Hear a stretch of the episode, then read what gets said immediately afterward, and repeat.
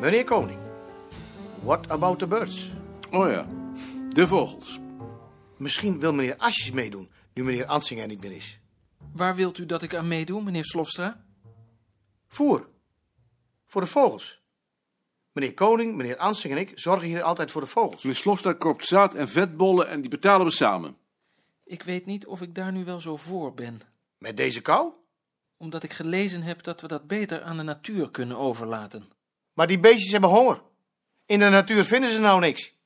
Dat vind ik ook akelig, meneer Slofstra, maar als we de zwakken in leven houden, dan gaat dat ten koste van de soort.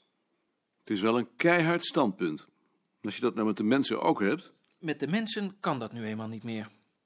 Zal ik dan maar weer wat gaan kopen? Hoeveel hebt u nodig? Vijf gulden. Is wel genoeg. Dank u. Het is niet omdat ik niet met die vogels te doen heb. Ik vind het ook heel akelig als ze honger hebben. Ja, natuurlijk. Ik ken het standpunt. Maar als je de zwakken op deze wijze in leven houdt, dan gaat dat tenslotte ten koste van de soort. Als je de natuur haar gang laat gaan, dan blijven alleen de sterken over. Jawel, ik weet het. Daarvoor waarschuwen ze ook altijd van de vogelbescherming. Maar de vogelbescherming zegt ook dat je in strenge winters bij moet voederen. Daar ben ik het dan niet mee eens. Het gaat om het principe. Ik vind dat je daarin principieel moet zijn.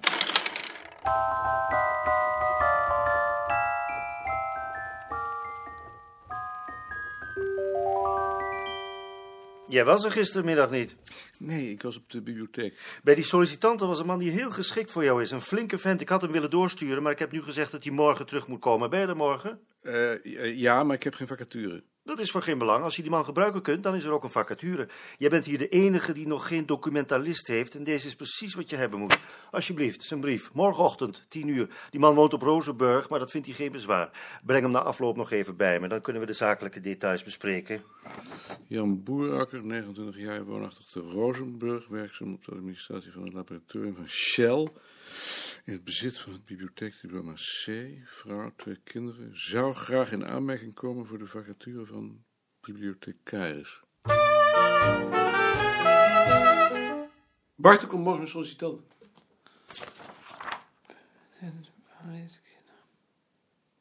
Dat is toch zeker voor de plaats van meneer de Gruiter?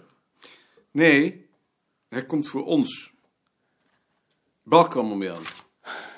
Daar had ik dan toch wel graag eerst in gekend willen worden. Ik ook, maar Balk heeft dat zo beslist. Die denkt dat hij geschikt voor ons is. Maar we hebben toch geen vacature? Die heeft hij voor ons gemaakt. Dat vind ik heel aardig van meneer Balk, maar ik zou dat geloof ik toch niet geaccepteerd hebben. Daar zie ik geen argumenten voor. Zullen we hem samen ontvangen? Daar moet ik eerst nog eens over nadenken, want indien ik bij dat gesprek aanwezig zou zijn, zou ik mede verantwoordelijk worden voor een beslissing waarin ik niet gekend ben. En je hebt beloofd dat je niet nog iemand zou aanstellen.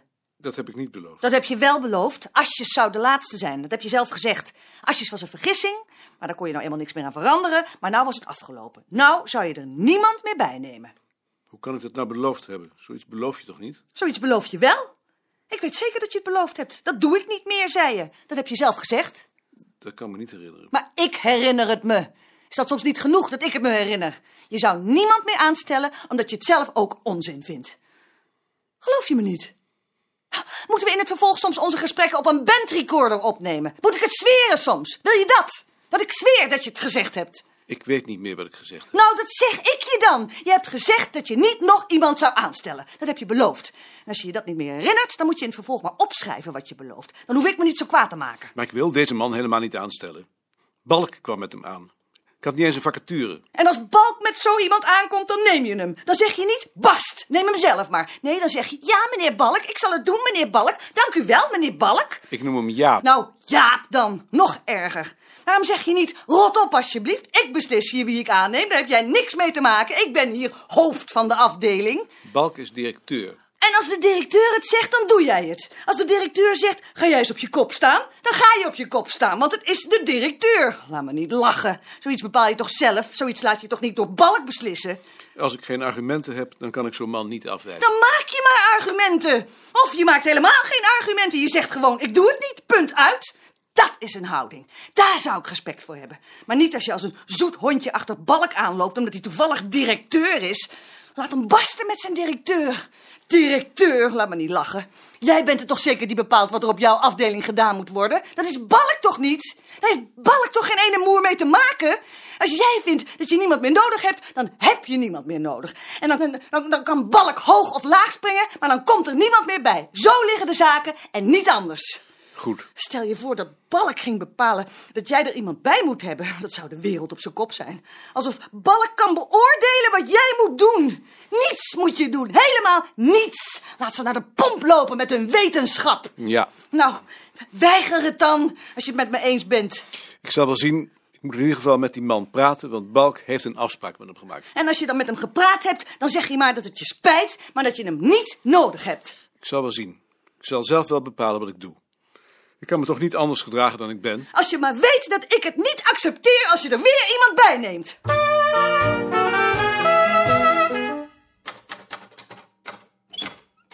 Meneer Koning, kijk eens wat ik gevonden heb. De vraag is of het een traditie is.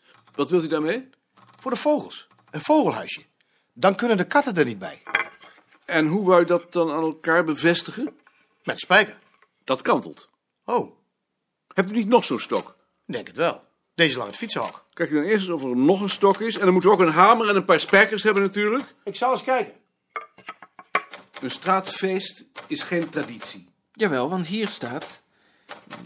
Het feest dat nu voor de twintigste keer gehouden zal worden. Ja, maar twintig jaar vind ik geen traditie. Wanneer is iets dan een traditie? 300 jaar. Dat vind ik toch wel erg willekeurig. Het interesseert ons pas als we de verspreiding kunnen reconstrueren. Die feesten zijn geen doel op zichzelf.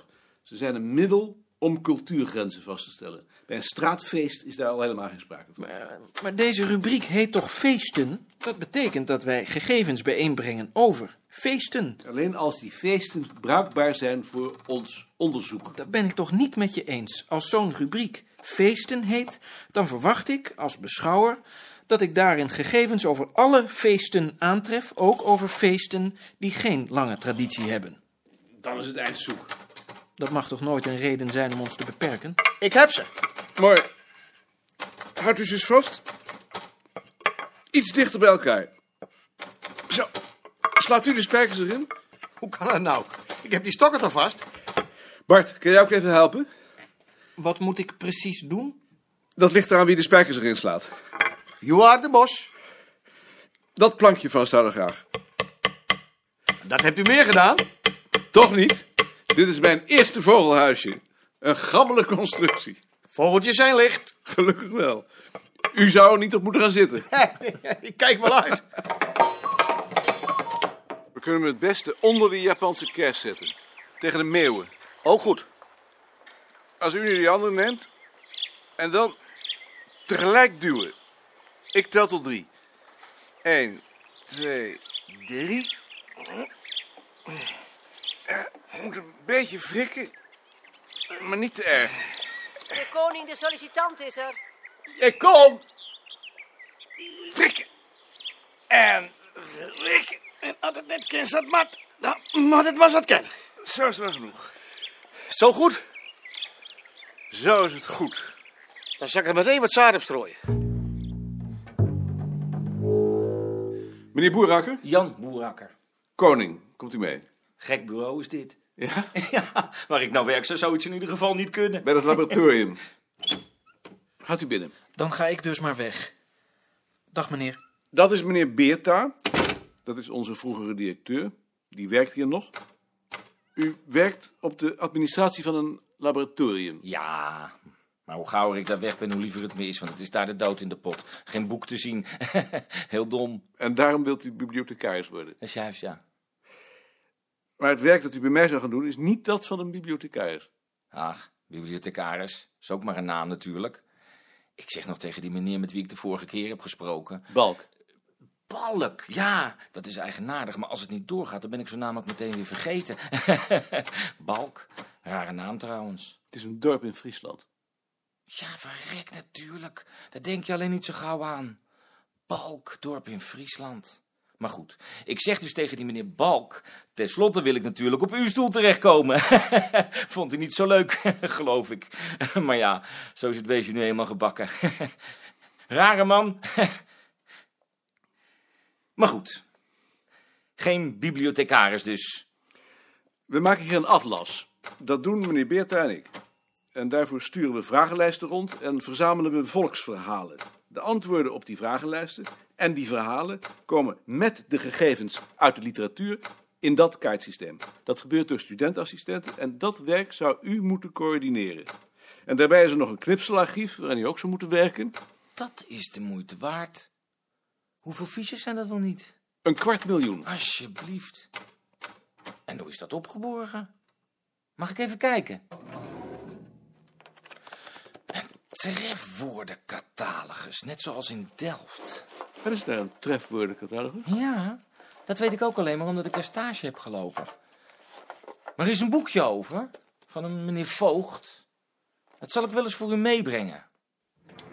Goed systeem. De bedoeling is om daar op de duur een woordenboek van te maken. Heel goed, eruit halen wat erin zit. Lijkt me interessant werk. Maar u woont op Rozenburg, Geen bezwaar. Hoe laat begint u? half negen. Nou, dat wordt het pontje van zes uur. Half even opstaan, dat trekken we wel.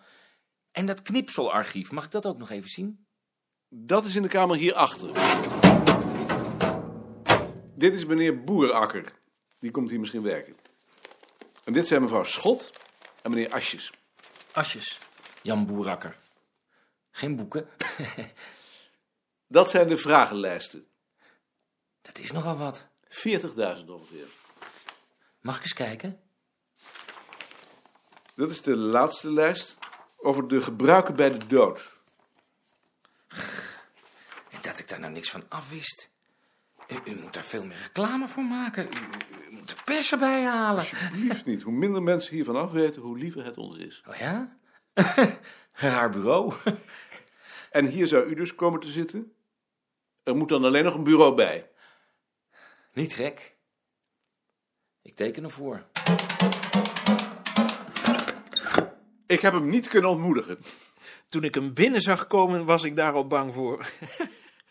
Hoewel ik nog even hoopte dat het net zo zou gaan als op het kantoor van mijn vader. Wat was het dan? Daar was ook zo'n man. En toen ze hem het hele bedrijf hadden laten zien, vroeg hij of hij nog even zijn fiets mocht wegzetten.